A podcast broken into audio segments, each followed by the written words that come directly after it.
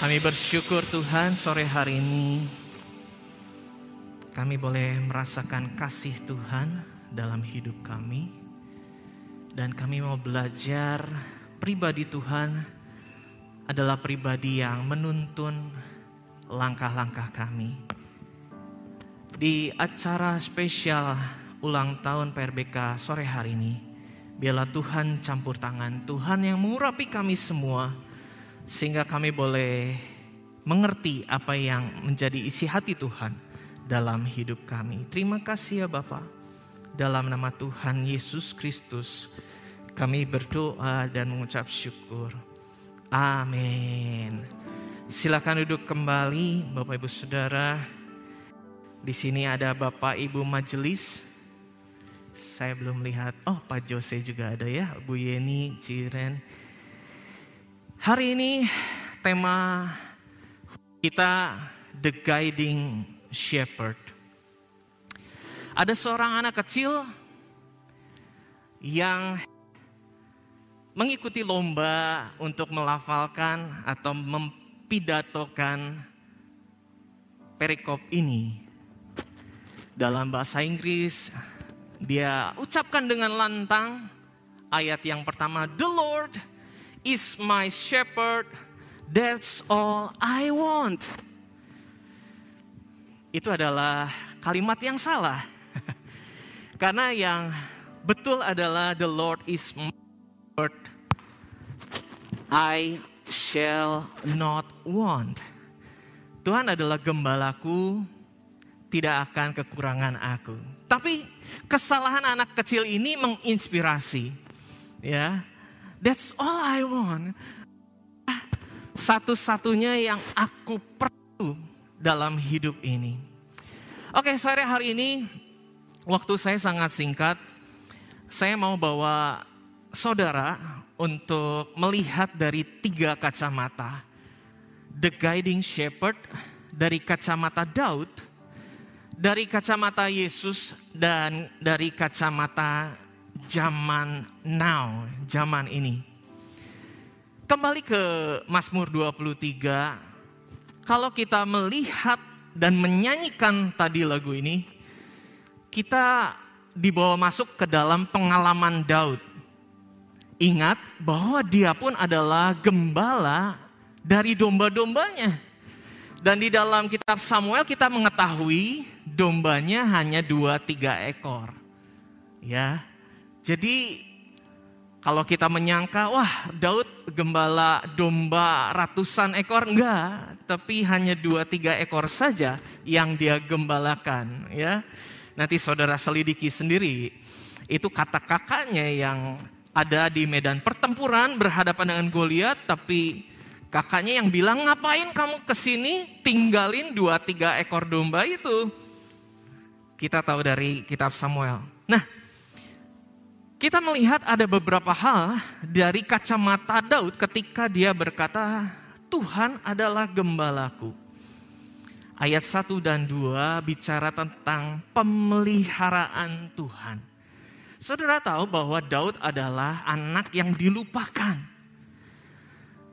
Jadi kalau dia bisa bertumbuh dewasa, itu dia percaya karena hanya karena pemeliharaan Tuhan ya dia adalah seorang anak yang tidak ada ketika Samuel datang untuk menjadikan salah satu dari anak Isai menjadi raja. Oh, bapaknya dengan bangga dong menyodorkan kakak-kakaknya Daud yang gagah perkasa. Berapa orang? Tujuh orang.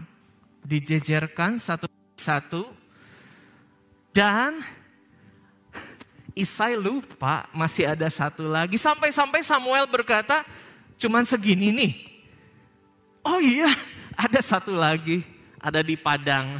Lagi gembalain kambing domba. Dilupakan.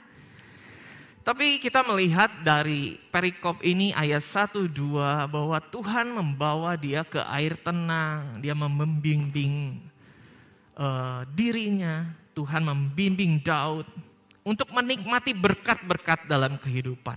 Ayat 1 2 bicara tentang pemeliharaan Tuhan. Ayat 3 bicara tuntunan Tuhan sampai dia besar, sampai dia bisa mengalahkan Goliat, ya.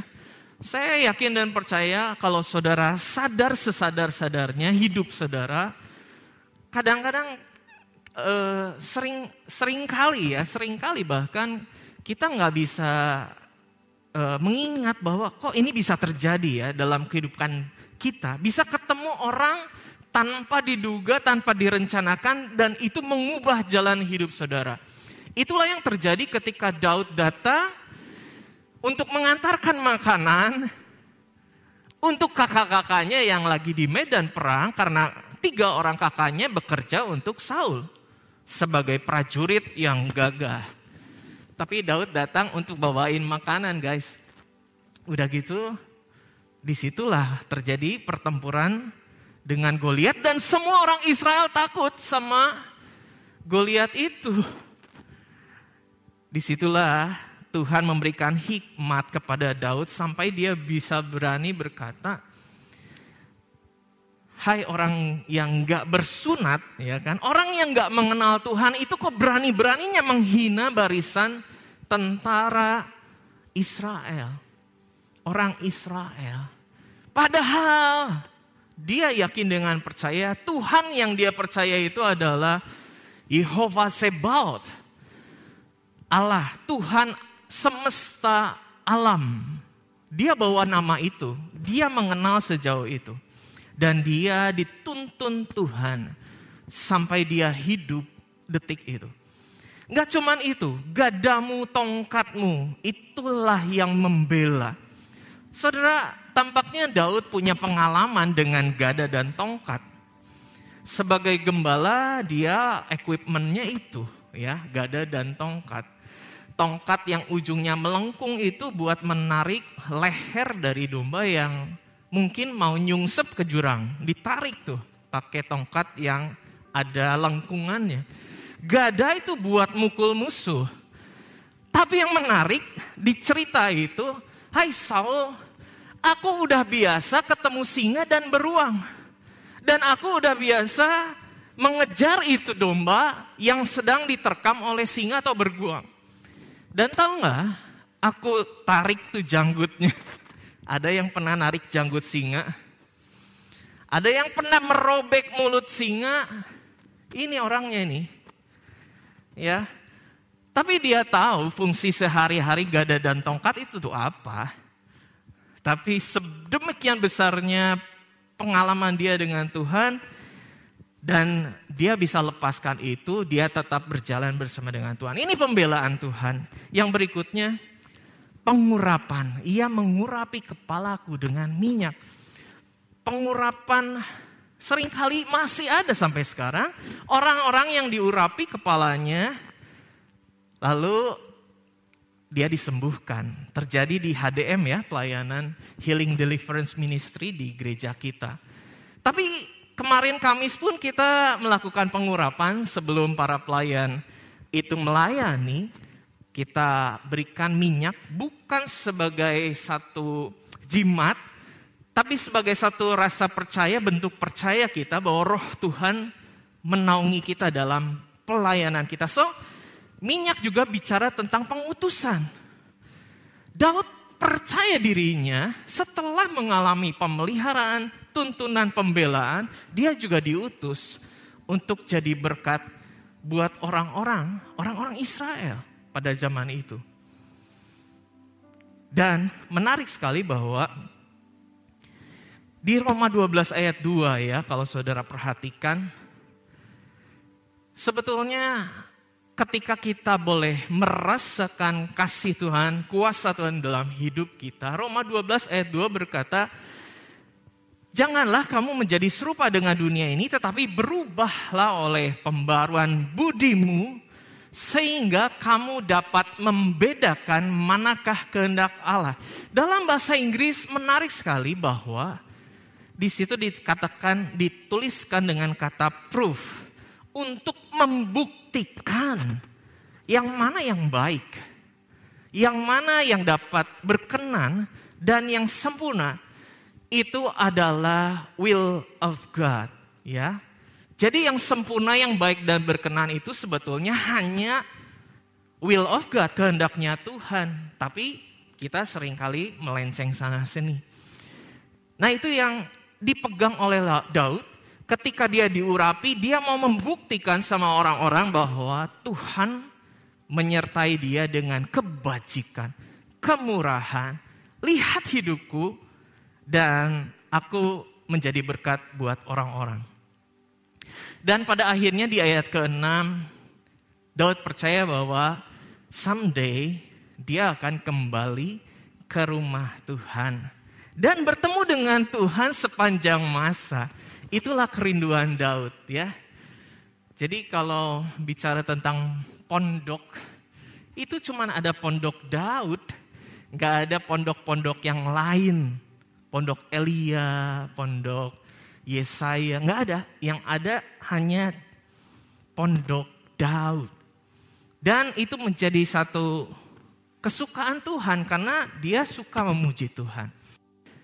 Nah, kalau kita melihat kacamata Daud, maka the guiding shepherd itu jelas buat dia. Tuhan itu menjadi Tuhan yang memelihara dalam hidup dia, baik itu dalam hal-hal yang dibutuhkan, perjalanan-perjalanan hidup, pembelaan, pengurapan, itu semua Tuhan nyatakan dalam hidup Daud. Tapi kita mau beranjak ke bagian yang kedua. Mari kita lihat dari kacamata Yesus. Yohanes 10 ayat 11 dan 14. Mari kita baca ayat ini sama-sama. Satu, dua, tiga. Akulah gembala yang baik. Gembala yang baik memberikan nyawanya bagi domba-dombanya. Ayat 14. Akulah gembala yang baik dan aku mengenal domba-dombaku dan domba-dombaku mengenal aku. Teman-teman, Daud di perjanjian lama bilang Tuhan adalah gembalaku dan ayat ini mengkonfirmasi bahwa Tuhan Yesus sendiri yang bilang akulah gembala yang baik. Yang apa? Yang siap memberikan nyawa bagi domba-dombanya dan mengenal domba-dombanya. Teman-teman, kalau kita lihat perbandingannya, kita tahu bahwa Daud pun tidak sempurna. Sekalipun dia memegang Tuhan, mengenal Tuhan dalam hidupnya, tapi dia pun penuh dengan kekurangan Daud memang menjadi gembala yang baik buat domba-dombanya, tapi tahu nggak saudara? Daud tidak menjadi gembala yang baik buat keluarganya sendiri. 2 Samuel 13 ayat 1 menjadi salah satu saja buktinya. Dikatakan begini, sesudah itu terjadilah yang berikut. Absalom bin Daud mempunyai seorang adik perempuan yang cantik namanya Tamar. Dan Amnon bin bulan untuk mempersiapkan naratif preaching tentang perikop ini. Wah keren banget. So teman-teman perhatikan ya. Apa yang terjadi dengan anak-anak Daud? Amnon akhirnya memperkosa Tamar dan Daud tidak memberi ganjaran yang setimpal. Akhirnya yang terjadi kalau saudara lihat di pasal itu, anak bunuh-bunuhan. Absalom tuh mengejar Amnon setelah berapa tahun bro? Dua tahun, tiga tahun? Pokoknya Amnon pergi dulu, eh Absalom pergi dulu kan? Tiga tahun balik lagi untuk menyelesaikan misinya membunuh si Amnon yang akhirnya memperkosa Tamar. Itu diceritakan dengan jujur di Alkitab kita, makanya baca ya Alkitabnya. Tapi saya mau menyoroti dari sisi Daud, dia papa nggak sempurna. So, saya mau tarik lagi ke Yohanes pasal 10 tadi. Hey, Tuhan seakan-akan mengingatkan kita, Aku loh ini, gembala yang baik tuh aku. Bukan Daud, bukan Musa, bukan nabi-nabi. Samuel pun anak-anaknya begitu kan, kalau saudara tahu, ya kan? Ya, Imam Eli apalagi ya, anak-anaknya yang ngaco itu ya. Nah, itu saudara perhatikan ya. Tuhan bilang akulah gembala yang baik yang siap memberikan nyawanya. Lalu saudara tanya, memberikan nyawa gimana kok? Kok saya nggak ngerasa saya hidup begini, begini, begini dan Tuhan nggak pernah bela saya. Eh guys, saya cuma mau ngingetin Tuhan mati di atas kayu salib buat kamu dan saya. Selagi kita masih berdosa, Tuhan mau disalib buat kita. Itu bukti dia gembala yang baik yang mau menyerahkan dirinya. Dirinya itu tidak berdosa, tapi dia mau dibuat berdosa, menanggung dosa semua manusia dan menyerahkan nyawanya untuk domba-dombanya.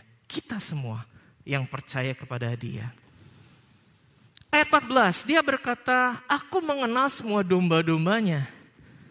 Mau yang bermasalah, mau yang berprestasi, yang baik, yang jahat, yang sakit, yang kuat, dan yang ultimate. Dia mengenal semua dombanya manusia yang hidup saat ini dan yang pernah hidup. Dia mengenal semua kita. Kok bisa? Karena dia Tuhan. Ya. Dia Tuhan. Dia Tuhan yang mengenal kamu di dalam kesusahanmu, di tengah kegalauanmu cari jodoh, di tengah kegalauanmu memulai bisnis, di tengah kegalauanmu dibully teman-teman sekelas, di tengah kegalauanmu kuliah kok online, onsite, online, onsite, bingung. Mau hybrid, mau online, onsite lagi, di tengah kegalauan kita semua di tengah pandemi ini ya. Tuhan tahu hati kita, pergumulan kita. Tuhan adalah gembala yang baik dulu, sekarang, selamanya. So, poin kedua ini, ingat ya, Yohanes pasal 10 ayat 11 14 ini saudara perhatikan. Full guarantee dari Tuhan, jaminan pasti Tuhan yang akan mengguide the guiding shepherd. Dia akan mengarahkan dan menuntun kita. Nah implikasinya apa buat saudara dan saya? Tidak ada seorang pun yang boleh mengandalkan manusia. Firman Tuhan sendiri yang bilang, terkutuklah orang yang mengandalkan manusia. Ya, diberkatilah orang yang mengandalkan Tuhan. So jangan menaruh percaya 100% kepada siapa pun. Termasuk saya katakan kepada orang tua. Aku bukan orang tua yang sempurna. Walaupun aku masih berusaha untuk nganter jemput anakku di masa pandemi seperti ini kalau PTM. Tapi kalau aku ingat, Jovin anak yang pertama itu jatuh delapan kali dari atas ranjang ketika dia masih bulanan. Saudara belum tahu itu ya, someday saudara tahu itu menjadi masalah besar. Anak kecil, bayi jatuh dari ranjang 8 kali ukuran 60 cm kurang lebih kasurnya, itu masalah besar. Ya apalagi bukan tinggal sendiri suami, istri dan anak, tapi sama mertua. Oke oke, okay, okay. nggak relevan buat kalian. tapi Aku kadang-kadang merasa aku bukan papa yang baik, bukan daddy yang baik kalau cuman ada daddy satu-satunya di gereja ini. Jarang ada yang panggil papanya daddy ya. Jangan, jangan mengandalkan 100% sama orang tua. Saya mau bicara kepada saudara sebagai orang-orang yang dewasa ya, ngerti ya. Maksudnya apa? Bukannya saudara akhirnya mengabaikan, lalu menyalahkan, tidak hormat, tidak seperti itu. Tapi kita tahu porsi kita mempercayakan hidup kita pada Tuhan itu harus lebih besar daripada kepada manusia. Orang tua kita pun manusia. Jangan percaya 100% kepada CG leader, pengurus, pembimbing rohani, ataupun gembala jemaat. Semua hanya manusia. Trust in God.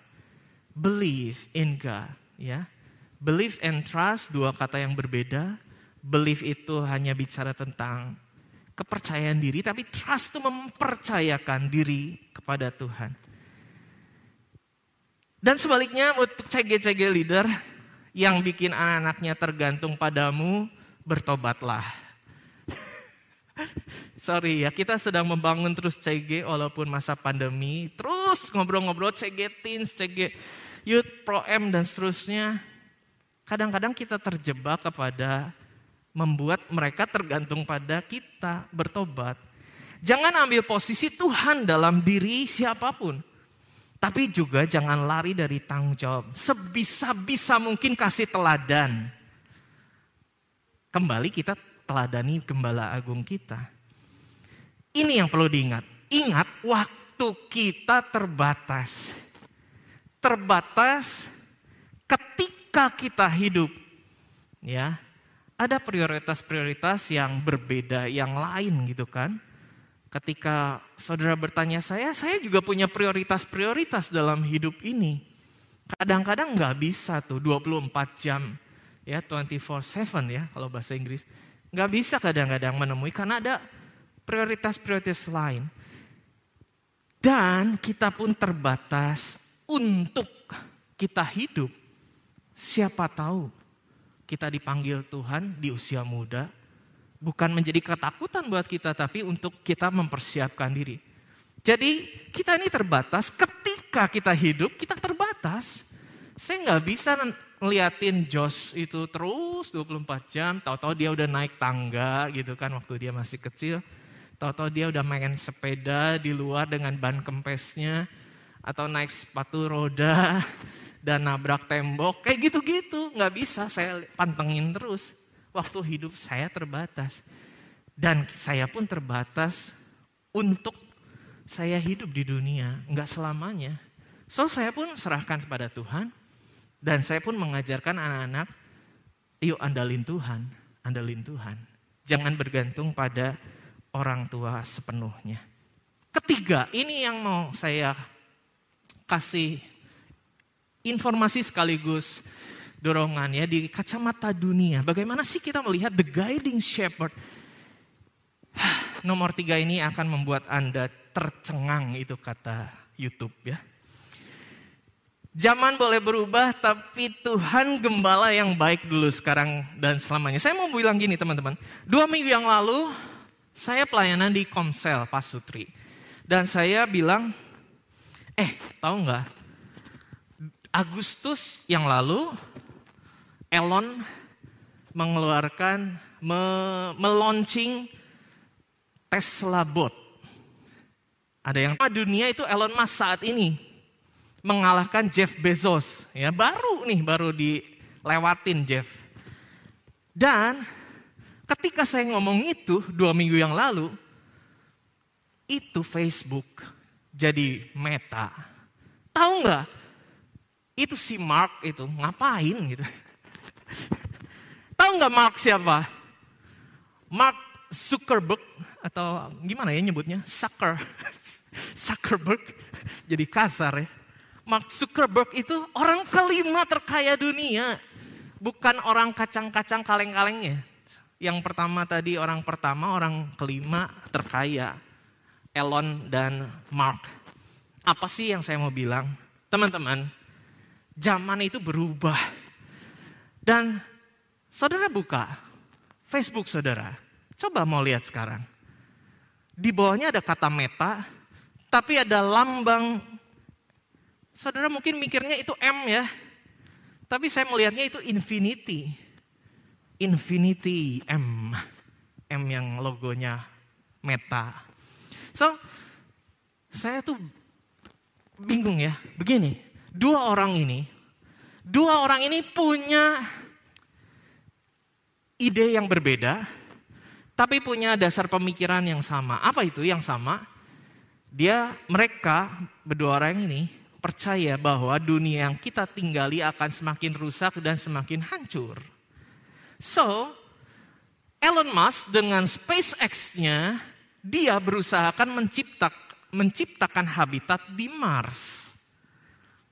Dan itu sudah terjadi. Saya melihat ya printer, bukan printer 3D yang bikin bikin barang, handphone, bukan. Printer bikin rumah. Kenapa harus bikin printer bikin rumah? Karena kalau bawa bahan-bahan semen ya, terus kerikil, pasir dari bumi, itu kosnya besar banget. Jadi mereka bikin printer nanti diisi tuh batuan Mars ke printer itu jadi tuh rumah. Printernya segede ruangan ini guys. Jadi rumahnya bisa masuk orangnya bukan rumah kelinci, bukan. Dan batuan dindingnya batuan Mars. Itu loh, kalian baca apa sih? ya, kayak gitu-gitu. Hah, apa sih kok? Uh, SpaceX, apaan lagi tuh? Ih, si Mark gak mau kalah. Dia pikir bumi ini juga akan hancur, rusak. Waktu tinggal lima menit. Akan rusak, hancur, dia bikin dunia virtual. Saya bacain, metaverse adalah dapat didefinisikan menjadi dunia nyata pada tingkat sepenuhnya yang baru yang dibangun dari konvergensi. Apa tuh konvergensi? virtual dan dunia nyata dilansir di Detik Finance. Coba yang nulis tuh Detik Finance. Jadi ini pasti ada kaitannya dengan ekonomi. Ya. Jadi dia udah bikin bentuk virtualnya Mark. Someday saudara mungkin akan kenalan langsung dengan Mark di dunia virtual. Someday mungkin saudara akan jualan alat-alat kecantikan saudara di dunia virtual. Karena avatar-avatar saudara perlu di make up. Apalagi ya? Karena film-film kita sudah ke sana semua, Avatar, Matrix, apalagi tuh yang mirip-mirip gitu.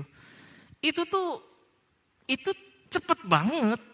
Ya kan, saya baru dua minggu ngomongin robot, robot yang tahun depan akan diproduksi massal untuk membantu manusia mengerjakan tugas yang boring, dangerous, repetitif. Itu robot Tesla, Tesla bot tahun depan diproduksi. Eh si Mark ngeluarin dunia virtual. Semua pakai virtual reality Google. Dan kalian jualan tanah, jualan alat kesehatan, jualan topi di dunia itu. Eh aku nggak lagi promosi ya, cuman ini keadaan dunia. So, gimana nih kita jadiin dunia, eh jadiin Tuhan sebagai gembala yang baik di dunia yang bergulir terus. Firman Tuhan tidak berubah, tetap relevan. Mau kamu di virtual kayak Mau kamu di Mars, kamu tetap harus membawa nilai-nilai Kristen. Kamu harus tetap penginjilan. Makanya saya berkelakar sama Yehuda waktu itu. Eh, Yehuda nggak ada di sini di sana. Ye, ye, kalau kita bikin robot penginjilan gimana ya? Yang satu lagi, bro, bro, Vin, saya share di grup. Gini, saya punya rencana di lapak virtual kita, kita bikin gedung, ya harus beli sih. Terus bikin CG di situ. ya, terus karena gini teman-teman, saudara kalau ada yang ikut Decentraland atau Sandbox atau Roblox, Minecraft, ada loh konser musik di dunia virtual. Konser musik, datengin artis, nyanyi di situ, nge-DJ di situ, avatarnya pada joget-joget. Aduh dunia ini. Ya oke okay lah. So balik lagi. Guiding shepherd. Kita bawa yuk Tuhan kita sebagai penuntun kita di dunia yang berubah dan semakin berubah. Semakin cepat. Saya nggak tahu akan berapa tahun ke depan karena prediksinya dalam 25 tahun virus corona akan error karena bermutasi terus Dan ada virus baru yang bikin saudara semakin betah di rumah. Itu loh, ya, karena mereka bermutasi, mutasi, mutasi, eh akhirnya error. Terus kita kayak udah influenza aja biasa corona, eh ada yang baru. Kenapa bisa baru? Karena pemanasan global bikin kutub utara dan selatan meleleh, virus-virus purbakalanya muncul. Oh, teori-teori seperti itu muncul juga ya. Oke, belajar terus firman Tuhan. Firman Tuhan gak berubah. Apa yang saya sampaikan ini mungkin terlalu out of the mind, di luar pikiran kita, di luar dari pergumulan kita sehari-hari. Kok saya butuh makan? Kenapa kok Ali kasih kayak beginian gitu kan? Berdoalah, berdoalah. Kenali Tuhan, karena itu cuman itu tugas kita. Tugasnya Tuhan mengenal domba-dombanya sudah saya paparkan tadi. Dia Tuhan yang mengenal kamu galau, mellow, plekma, sanguin atau apa pun itu, ya. Tapi tugas kita mengenal Tuhan semakin dalam, semakin baik. Inilah yang saya perlu sampaikan di hari ulang tahun PRWK kita. Ini hari ulang tahun yang spesial, mungkin belum pernah ada di dalam sejarah PRBK Pringgading ibadah seperti ini, ya kan? Saya sempat protes, jangan digabungin ibadahnya, karena lilinnya gimana? Saya nggak tahu tuh lilinnya gimana.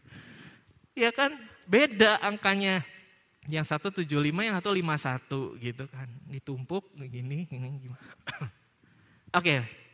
so ini zaman yang enggak mudah, tidak semakin mudah, semakin cepat. Oke, waktu habis. Kita mau minta tuntunan Tuhan dalam hidup kita. Kalau saudara lupa, nyanyiin lagu tadi, Mazmur 23. Ingat, ya Tuhan adalah gembalaku, ya. Kalau nggak bisa, putar YouTube karena banyak juga versinya. Yuk kita bagi beri bersama-sama akhiri. Kita berdoa menyerahkan kepada Tuhan. Tuhan inilah kami di hadapan Tuhan. Di hari ulang tahun PRBK yang spesial ini kami belajar bagaimana Tuhan adalah gembala agung yang menyertai kehidupan kami karena itu kami mau Tuhan menyerahkan diri, diri kami, hidup kami, mempercayakan sepenuhnya kepada Tuhan. Tuhan yang menuntun, memelihara, membela kami.